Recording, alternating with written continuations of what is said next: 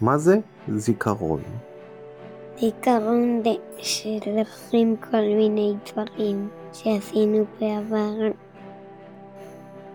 האזנתם להלל בן החמש, הבן היקר שלי, אה, בניסוי קטן שעשיתי להבין מה הזיכרונות שלו. אז הבסיס שלנו, של ההוויה האנושית, של הלמידה, או באופן כללי מי שאנחנו, הוא זיכרון. ובפרק הזה אני הולך להתמקד באיך הזיכרון עובד, מה זה זיכרון, איך המוח שלנו, איך, איך כל התהליך הזה עובד. אז ברוכים וברוכות הבאות לרעב לידע, לפרק טיפה שונה, אנחנו תכף מתחילים. רעב לידע עם אור דניאל, הרבה ידע בביס קטן. אנחנו הולכים להתמקד בפרק הזה בזיכרון האנושי. ולמה? ברגע שאנחנו מבינים איך משהו עובד, נוכל לדעת להפעיל אותו בצורה טובה יותר. כך, אם נבין טוב יותר איך המוח והזיכרון שלנו עובדים, נוכל לדעת איך להשתמש בהם בצורה אפקטיבית יותר. לפני שאגיד כל מיני דברים שנשמעים טיפה למדעיים, אל תבהלו, אנחנו נפשט את הדברים עם כל מיני דוגמאות ונראה איך אפשר לעכל את זה בצורה טובה יותר. באופן כללי הזיכרון שלנו פועל בצורה מאוד פשוטה. אז המודל הרווח בעולם לאיך הזיכרון שלנו עובד הוא מודל של זיכרון שנקרא אתקינסון שיפרין. איך הוא עובד? איך אנחנו זוכרים משהו?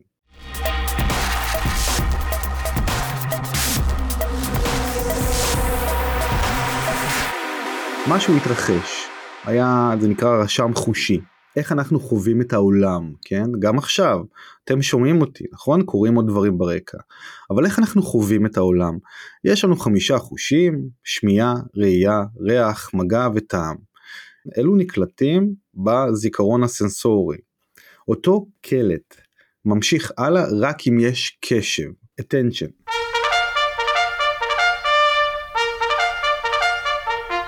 מה שלא השיג את הקשב שלנו נשכח באופן מיידי.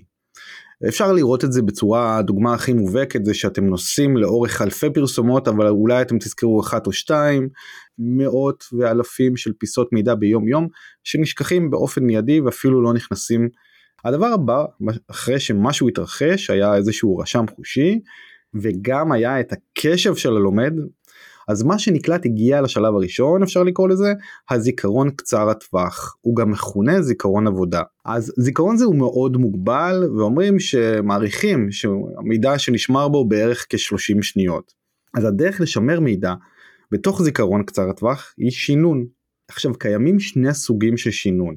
שינון משמר ושינון מרחיב. הדרך לקדם הלאה את, הרש, את הרשם החושי מהזיכרון עבודה לזיכרון ארוך הטווח הוא אפשרות לעשות את זה עם הקבצה. אה, מה זה אומר? אה, הקבצה של מידע בקבוצות בעלות היגיון וקלות לזכירה. כלומר שאני עושה שינון או חזרתיות, אני רוצה לייצר הקבצה של מידע שנותן לי היגיון. אה, למשל לקחת כל מיני אותיות שאין בהם קשר, לחבר אותם וזה נותן לי איזושהי אפשרות לזכור את זה. כי בעצם יצרתי עשר אותיות למשל, חילקתי אותן לשתי חלקים, וזאת שיטה אחת של לזכור, נתתי להם איזושהי משמעות. הדבר הבא אחרי שהיה רשם חושי אה, שעבר לזיכרון עבודה או זיכרון קצר טווח נזכר 30 שניות היה לי גם קשב כי ככה הוא עבר אני עשיתי שינון של אותו מידע או קיבצתי אותו עם מידע קודם באיזושהי צורה או שנתתי לו היגיון הוא מתחיל לעבור לזיכרון ארוך טווח אז זיכרון ארוך טווח הוא היעד שאנחנו רוצים שהמידע שלנו יגיע אליו ומשם הוא הופך גם איפשהו לידע כי אני יכול להשתמש בו. השליפה של הזיכרונות מזיכרון ארוך הטווח לזיכרון העבודה קצר הטווח נדרשת כדי לחבר בין מידע חדש לבין מידע ישן. כאן הלמידה האפקטיבית נוצרת בחיבור בין הישן לבין החדש וכך עוזרת למידע החדש לחדור לזיכרון ארוך הטווח. שם הלמידה האפקטיבית מתקיימת. שם אנחנו רוצים להיות, שאנחנו מלמדים משהו בין אם זה בארגון, בין אם זה בצבא, בין אם זה במגזר הציבורי, בין אם זה בחינוך, אנחנו רוצים לייצר את החיבורים האלה. וזה אמור להשפיע על הדרך שבה אנחנו מלמדים ברגע שאנחנו מבינים איך הזיכרון עובד. ולכן, אם אנחנו מפיקים מזה איזושהי תובנה עיקרית היא שאם אני אה, מרצה ולא נותן עוד חזרתיות ולא מייצר תהליך של למידה שהוא לא רגעי ולא משלב כל מיני שיטות למידה שונות, המידע ייעלם, הוא לא יישמר. ויש כל מיני שאלות שאנחנו לא נדון בהן עכשיו, כמו מה בכלל ללמד ואיך ללמד, יש כל מיני שיטות, אולי ניגע קצת באיך, אבל מאוד חשוב שהלמידה תהיה רלוונטית, והדגש על למידה רלוונטית, כי זה אומר שאני אשתמש בה, ואם אני אשתמש בה, אני כל הזמן אחזור עליה, ולכן היא תהיה אפקטיבית. עכשיו אולי המידע הזה הוא קצת מבלבל ואולי טיפה מפחיד, אז בואו נעשה איזשהו סיפור לכל התהליך.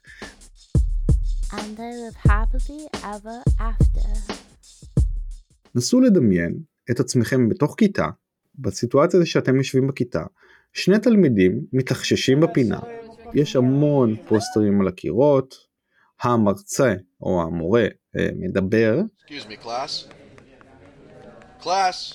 ומציג שקופית, הטלפון שלכם רוטט מהודעה שנכנסת ויש עוד כל מיני התרחשויות קטנות של מישהו מעביר פתק, משהו קרה, איזה ציפור עפה ליד החלון, הכל קורה במקביל. כל אלו הם רשמים חושיים. כלומר, משהו קרה ונקלט באחד או יותר מהחושים השונים, כן, שמיעה, ראייה, וכמעט את כל הגירויים האלה אנחנו שוכחים באופן מיידי, כמה שניות אחרי שהם קרו. המוח שלנו לא יכול לאבד כמות גדולה של גירויים בו זמנית. המוח שוכח את מה שהוא לא צריך, כדי לא להתמודד עם העומס הזה ועם עיבוד האנרגיה. בזמן מסוים בשיעור, המרצה מציג עובדה מעניינת על זה שבני האינקה נעלמו בגלל מחלה. נראה לי שגם עכשיו אתם פתאום מתעוררים טיפה, אנחנו מדברים על משהו מוחשי יותר. אנחנו חיים בעידן פוסט קורונה, אנחנו מודעים מאוד למחלות, והקלט הזה תפס אותנו. אנחנו עושים חיבור למה שקורה לנו עכשיו, בעידן הפוסט קורונה היה מחלה, היינו בסגר, טירוף טירוף, ולפני אה, אלפי שנים, אה, לא אלפי שנים, מאות שנים, בני האינקה נעלמו בגלל מחלה שאירופאים הביאו וכו' וכו'. ואנחנו עושים את החיבור הזה וזה קצת מלחיץ אותנו, אנחנו יושבים יותר זקוף בכיסא. כלומר, המורה או המרצה זכה בקשב שלנו. עכשיו הקשב הוא משהו בסיסי ואתם יכולים ליצור אותו, אתם יודעים, בשינוי אינטונציה של הקול, אה, מחיית כף, אה, או אם אתם מורים או אנשי חינוך, אה, או מרצים באקדמיה, להגיד משפט מאוד פשוט כמו החומר הבא יהיה במבחן, ואנשים יתיישרו מאוד מהר בכיסא וינסו להטות אוזן. אז באופן מיידי פיסת המידע הזו שבני האינקה נעלמו בגלל מחלה הגיעה ישירות לזיכרון קצר הטווח. כלומר עברנו את הרשם החושי לקחו את הקשב שלנו לגמרי, אנחנו בטוחים בכיסא ומקשיבים טוב, זה נכנס לזיכרון קצר הטווח, אוקיי? הזיכרון עבודה, אתם זוכרים? אה, ובאותו הזמן המרצה גם עושה הגבצה. מה הוא, מה הוא עושה? הוא מחבר את המידע לנתונים הידועים לנו על הקורונה כיום. אז הוא מסביר שוב על נגיפים ווירוסים ומשבר איך ההיעלמות של בני האינקה דומה מאוד למחלת הקורונה היום, ממש עושה לנו חיזוק הרבה יותר משמעותי עם עוד הרבה עובדות, וכאשר ההבדל המהותי הוא מה שהוא אומר, הוא בין הרפואה המודרנית שיש לנו כיום לעומת מה שהיה אז שהם האמינו באלה. אז מה קרה? המרצה יצר שיח על ידי משיכת קשב, בצורה של הצגת נתונים בדרך קיצונית, הוא הראה לנו מקרה קיצון של אינקה, אה, עם שלם שנעלם, תרבות שלמה שנעלמה, ומציג את זה לנתונים שלנו היום, משווה את עצמנו למה שקורה, ומה הוא עשה? הוא חיבר בין מידע שקיים לנו בזיכרון ארוך הטווח, הוא ביצע הקבצה של המידע ומשיכת קשר. הוא חיבר קבוצות מידע בצורות הגיוניות שבהן קל לזכור ועשה את זה בצורה חזרתית וכל זאת תוך כדי משיכת תשומת הלב המלאה שלנו עם כל מיני נתונים המעוררים מעורבות רגשית ופליאה של אוי מתו ככה וככה וכל מיני דברים כאלה ואחרים. אז הסיפור הזה די ממחיש בצורה יותר ברורה את המודל של אתקיסון שיפרין של הזיכרון ואיך המוח שלנו עובד מבחינת הזיכרון. חשוב להגיד ולציין גם כאן שהזיכרון ארוך הטווח אם משהו עבר אליו לא אומר שזה יישאר שם תמיד. אה, לאלו מביניכם שהם הורים, אתם מכירים את הסרט בטח אה, הכל בראש. אה, ואם לא, אני גם ממליץ למי שלא הורה, גם ללכת לראות את הסרט, סרט נפלא, שמתאר מה קורה לריילי, לכוכבת של הסרט, שהיא מתבגרת וחלקים מאוד גדולים בזיכרון, בזמן שמטיילים בזיכרון, נעלמים. הכל נידון לשכחה בסופו של דבר. עכשיו מאוד חשוב שתיקחו את התהליך שאני ציינתי ותנסו ליישם אותו על איזשהו סיפור מהחיים שלכם, את התהליך של המודל של אתקיסון שיפרין. עכשיו מאוד חשוב לייצר קשב אצל הלומדים, ולמנוע הסחות דעת זה אחד המסקנות העיקריות שצריך לקחת מכאן אנחנו צריכים להציג מידע חדש וחשוב לחבר אותו לידע קודם כדי להגדיל את הפוטנציאל הסקירה של המוח. במרכז להשתמש באסטרטגיות נכונות ללמידה. התהליכים המרכזיים זה בעצם קשב, חזרה, ריווח הלמידה, חיבור והקבצה של מידע, כל אלו יעזרו לנו לחבר את המידע שאנחנו רוצים ללמד לזיכרון ארוך הטווח. אנחנו צריכים לתרגל את הלומדים שלנו ולחזור שוב שוב על הדברים עד שזה ייכנס שם, אה, וכמובן אם זה רלוונטי הם תמיד יצטרכו לשלוף אותו ולהשתמש בו. עכשיו כשאנחנו מבינים איך הזיכרון עובד אני בטוח שיש לכם עוד מלא תובנות שיגרמו לכם לשינוי ואימוץ צרכים אחרים לאופן שבו אתם רוצים להעביר כמות מידע עצומה. שדרך אגב בארגונים אנחנו מבינים את זה ואנחנו מצמצמים הכשרות בכך שאנחנו לא מלמדים את כל מה שהם צריכים לדעת אנחנו מלמדים אותם לחפש את מה שהם צריכים לדעת.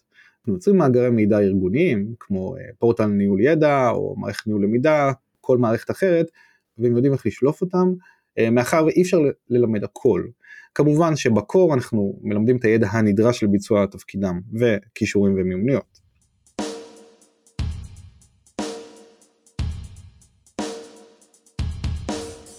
מאוד חשוב לדעת שיש סוגים של זיכרון ארוכי טווח. אה, ומאוד חשוב לדעת אותם כי זה מאוד יעזור לכם להבין גם איך הזיכרון ארוך הטווח עובד ואיך להגיע אליו ואיך לתפעל אותו ואיך לשמר אותו. אם אתם צריכים לנחש אילו סוגי זיכרונות ארוכי טווח יש לנו כבני אדם, מה היה קופץ לכם לראש? אני אתן לכם כמה שניות.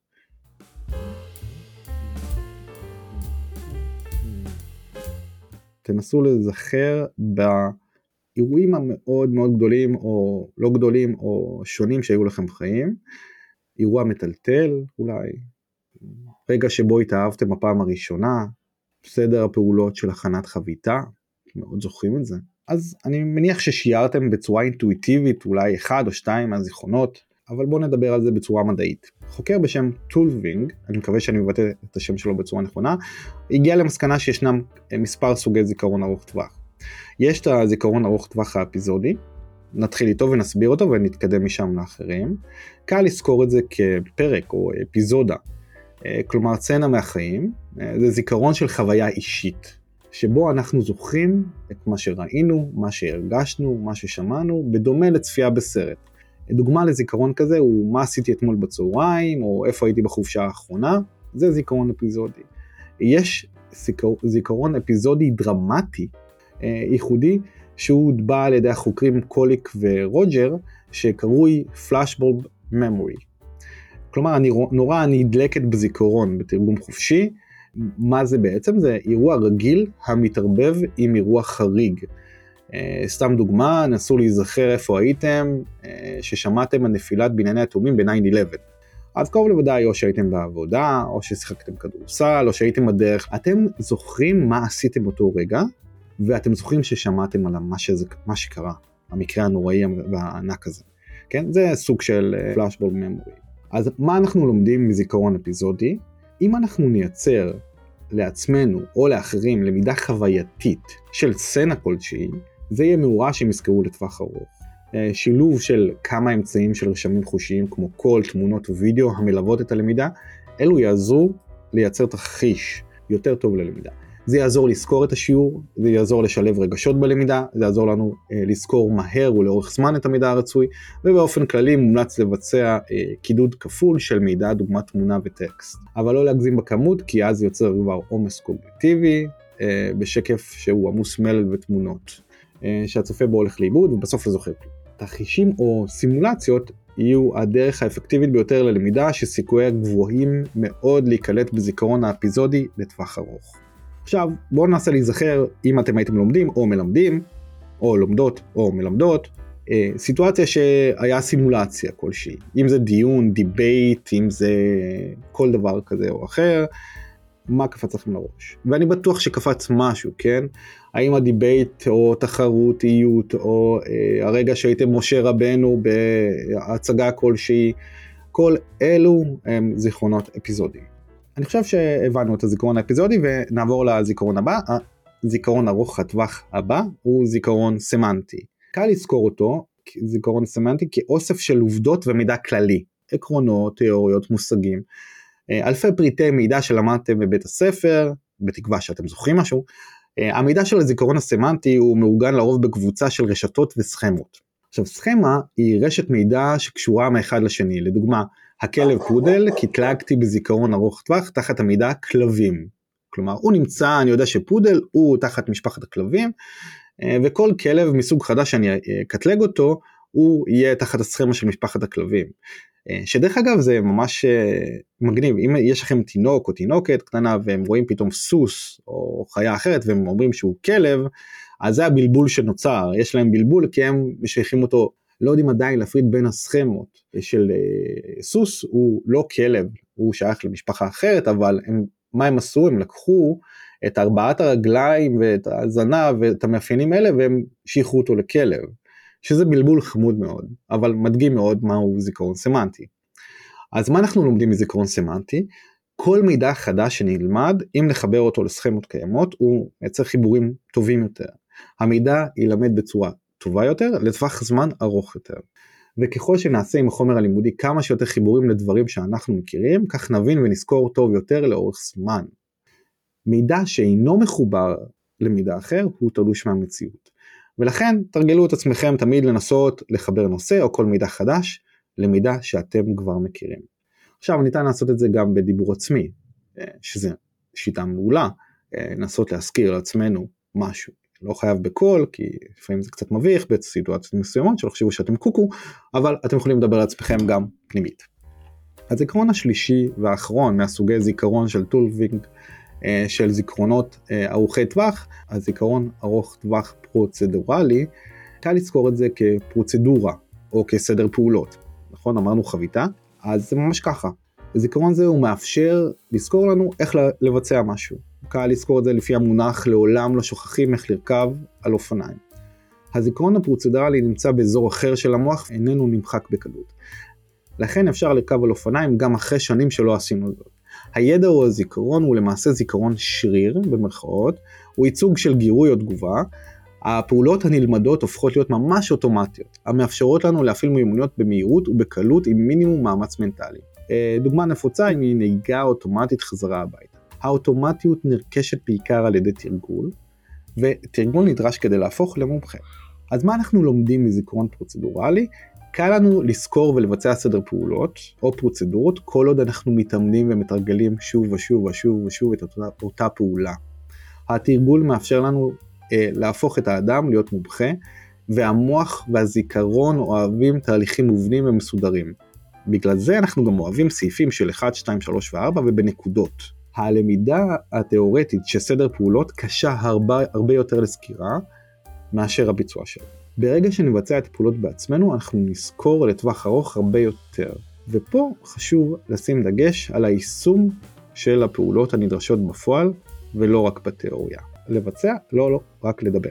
עכשיו רגע לפני שנמשיך הלאה, אתם כבר חצי אה, מומחים בזיכרון. אז מה זה זיכרון אפיזודי? מה זה זיכרון סמנטי? מה זה זיכרון פרוצדורלי? תעצמו עיניים לשנייה ותנסו להיזכר מה כל אחד מהזיכרונות ארוכי הטווח הללו ואיך תיישמו או מה תלמדו מכך. אתן לכם עוד שנייה אחת. מעולה. במקרה ואתם לא זוכרים מה הפתרון, אחד מהפתרונות הוא לחזור שוב אחורה או שאתם תיכשלו במבחן. אין מבחן, אני סתם אומר בוא נמשיך הלאה. איך אני זוכר, אוקיי? אני אתן לכם דוגמה על עצמי. אני אוהב לדבר לעצמי במחשבות אז איך אני זוכר אותם? אני זוכר אותם בצורה הבאה, אפיזודי, אני חי בסרט, הדגש הוא על רגשות וחוויה, סימולציות ולמידה חווייתית הן דבר נפלא. ככה אני זוכר את זה. אה, אומר לעצמי אני חי בסרט וזה כבר מזכיר לי את הדגש על הרגשות והחוויה. סמנטי, זה כל מה שלמדתי בבית הספר, מלא עובדות, מלא סכמות ואיך אני מחבר בין הישן לחדש. ופרוצדורלי, אני זוכר את זה בצורה של לעולם לא אשכח איך לנהוג כי זה תהליך. שימו לב שגם פה אני עושה חזרתיות שוב ושוב קצת על הדברים כדי להכניס את זה לזיכרון שלכם. עוד משהו, רגע לפני שאנחנו uh, מסיימים בונוס, כן? אתם חייבים להכיר וחייבות להכיר את עקומת השכחה של אבן גאוס.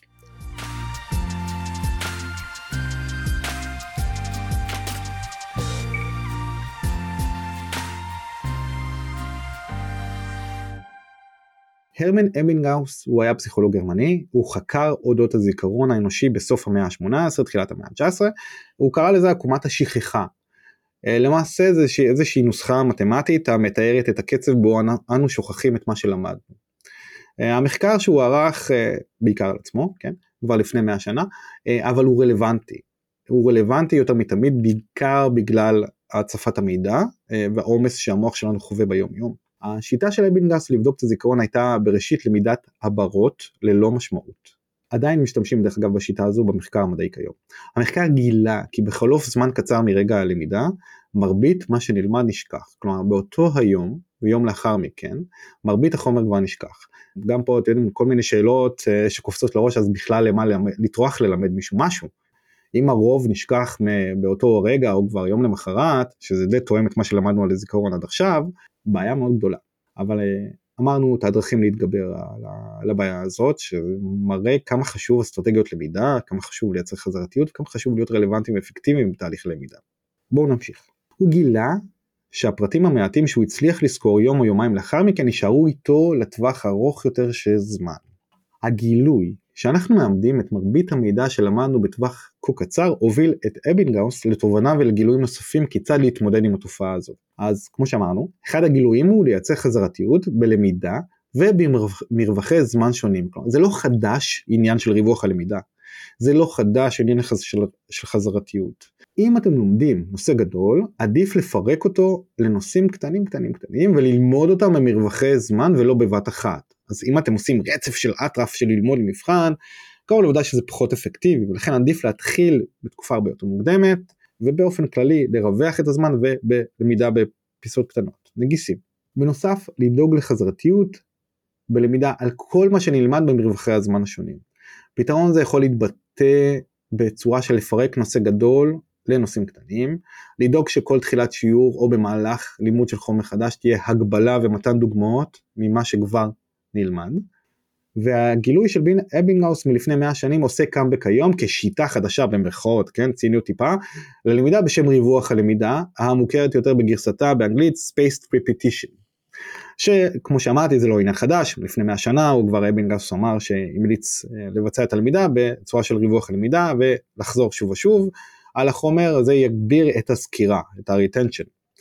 מעניין לגלות ששיטות וגישות שהוכלו או התגלו לפני זמן רב תקפות גם היום ונעשה להם מיתוג מחדש.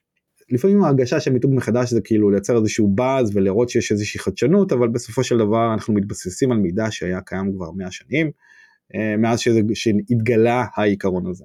התרגיל של הבנגאוס שאני ממליץ לכם לעשות עם עצמכם שהוא ממש נפלא אה, רשמו 10 הברות ללא כל משמעות אוקיי ותקדישו 15 דקות ללמוד אותם בעל פה. תרשמו את כל מה שאתם רואים לעצמכם, אוקיי? לאחר שעה תנסו לרשום אותם שוב בסדר שהם היו כתובים ורשמו את השעה ליד הגרסה שכתבתם. תעשו זאת שוב יום למחרת לאחר 24 שעות ותרשמו את השעה ותעשו את זה שוב לאחר חודש. בואו נראה כמה מעברות זכרתם והאם בסדר הנכון, מוזמנים לשתף איתי, מוזמנים לשתף ברשתות החברתיות, אני מניח שאתם כבר משערים משערות מה התוצאה שתהיה. עד כאן הזיכרון, ריקאפ קטן, כן, אה, חזרתיות קטנה, אז למדנו על החשיבות של להבין איך הזיכרון עובד, למדנו על מודל אטקסון שיפרין בצורה של מה זה רשם חושי, איך הוא עובר לזיכרון קצר הטווח, או זיכרון עבודה הוא גם קרוי, שינון וחזרתיות אפשר לעשות כדי שיעבור לזיכרון ארוך הטווח, הבנו שבזיכרון ארוך הטווח יש שלוש זיכרונות כאלה, חיים בסרט, שזה הזיכרון האפיזודי, הזיכרון הסמנטי, החפירות של בית הספר, ומה הזיכרון השלישי? אה, חביתה, חביתה. אה, זיכרון פרוצדורלי, איך אנחנו עושים פעולות מסוימות. אז כל הדברים האלה ולהבין איך המוח האנושי ואת המגבלות שלו וגם היתרונות שלו ואיך אנחנו עושים את זה נכון, יעזור לנו איך ליצור למידה רלוונטית ואפקטיבית. אז כל מה ששמעתם עד עכשיו הוא חלק מאוד מאוד מאוד קטן מפרק שנקרא קורס מזורז בלמידה שנמצא בתוך הספר שלי למידה אבולוציונית. ספר נפלא לכל מי שמתעסק בלמידה בכל סוגי הארגונים ומשלב גם את הפסיכולוגיה של הלמידה, גם שיטות בהוראה אה, ולמידה גם טכנולוגיות, גם איך עסקי, גם איך לחבר את הלמידה ליעדים עסקיים ועוד ועוד ועוד ועוד. בספר למידה אבולוציונית, אני אשים קישור בפרטים של הפרק. ועשיתי פרק שהוא טיפה שונה, שאמור לפתוח את הראש ולייצר שיעור שהוא גם בסיסי, אבל גם אולי טיפה מעבר וקריטי לדעת אותו על הזיכרון האנושי והמוח האנושי, אה, ואני מאוד מקווה שאהבתם. אז אם אהבתם אני גם אשמח שתשתפו את הפרק הזה עם קולגות שקרוב לוודאי יהיה מעניין עבורם, אה, ואשמח גם, מאחר והפודקאסט ממש מתקרב לפרק המאה שלו, אה, שתפרגנו ותשתפו את הפודקאסט עם כל מי שיהיה לו רלוונטי, וגם שתעשו עוקב באפליקציית הפודקאסט כמו גוגל פודקאסט או ספוטיפיי שאתם עוקבים אחריו, יש כבר למעלה מ-1100 עוקבים. ב, ב, ב, אני יודע רק על ספוטיפיי בגלל שאני עובד עם אנקור אה, ואני בטוח שיש עוד באפליקציות אחרות ואם אתם אה, באפל או באפליקציות שאפשר לדרג אשמח גם שתתרגו אה, בספוטיפיי גם אפשר בחמישה כוכבים את הפודקאסט. האמת שזה פעם ראשונה שאני אומר את הדברים האלה ובאמת עושה קידום לפודקאסט עד עכשיו לא עשיתי את זה הפודקאסט עובר את ה-500 אלף האזנות שזה מטורף יש עוד הרבה הפתעות ויד עוד נטויה. לא לשכוח, רלוונטיות ואפקטיביות זה שם המשחק, והזיכרון שולט בהכל. מקווה שנהנתם, וניפגש בפרק הבא. להתראות. רעב לידע, פודקאסט בו אור דניאל מביא נגיסי ידע בעולמות הלמידה, הטכנולוגיה והיזמות. לומדים מארכיטקט למידה שעשה קריירה מללמוד. הצטרפו לחוויה שלא רק תעשיר את חייכם, אלא גם תיתן לכם את הידע, כלים, כישורים ומיומנויות להצלחה. מי שלומד, גם נהנה וגם מצליח. תוכן מבית לרנטק.co.il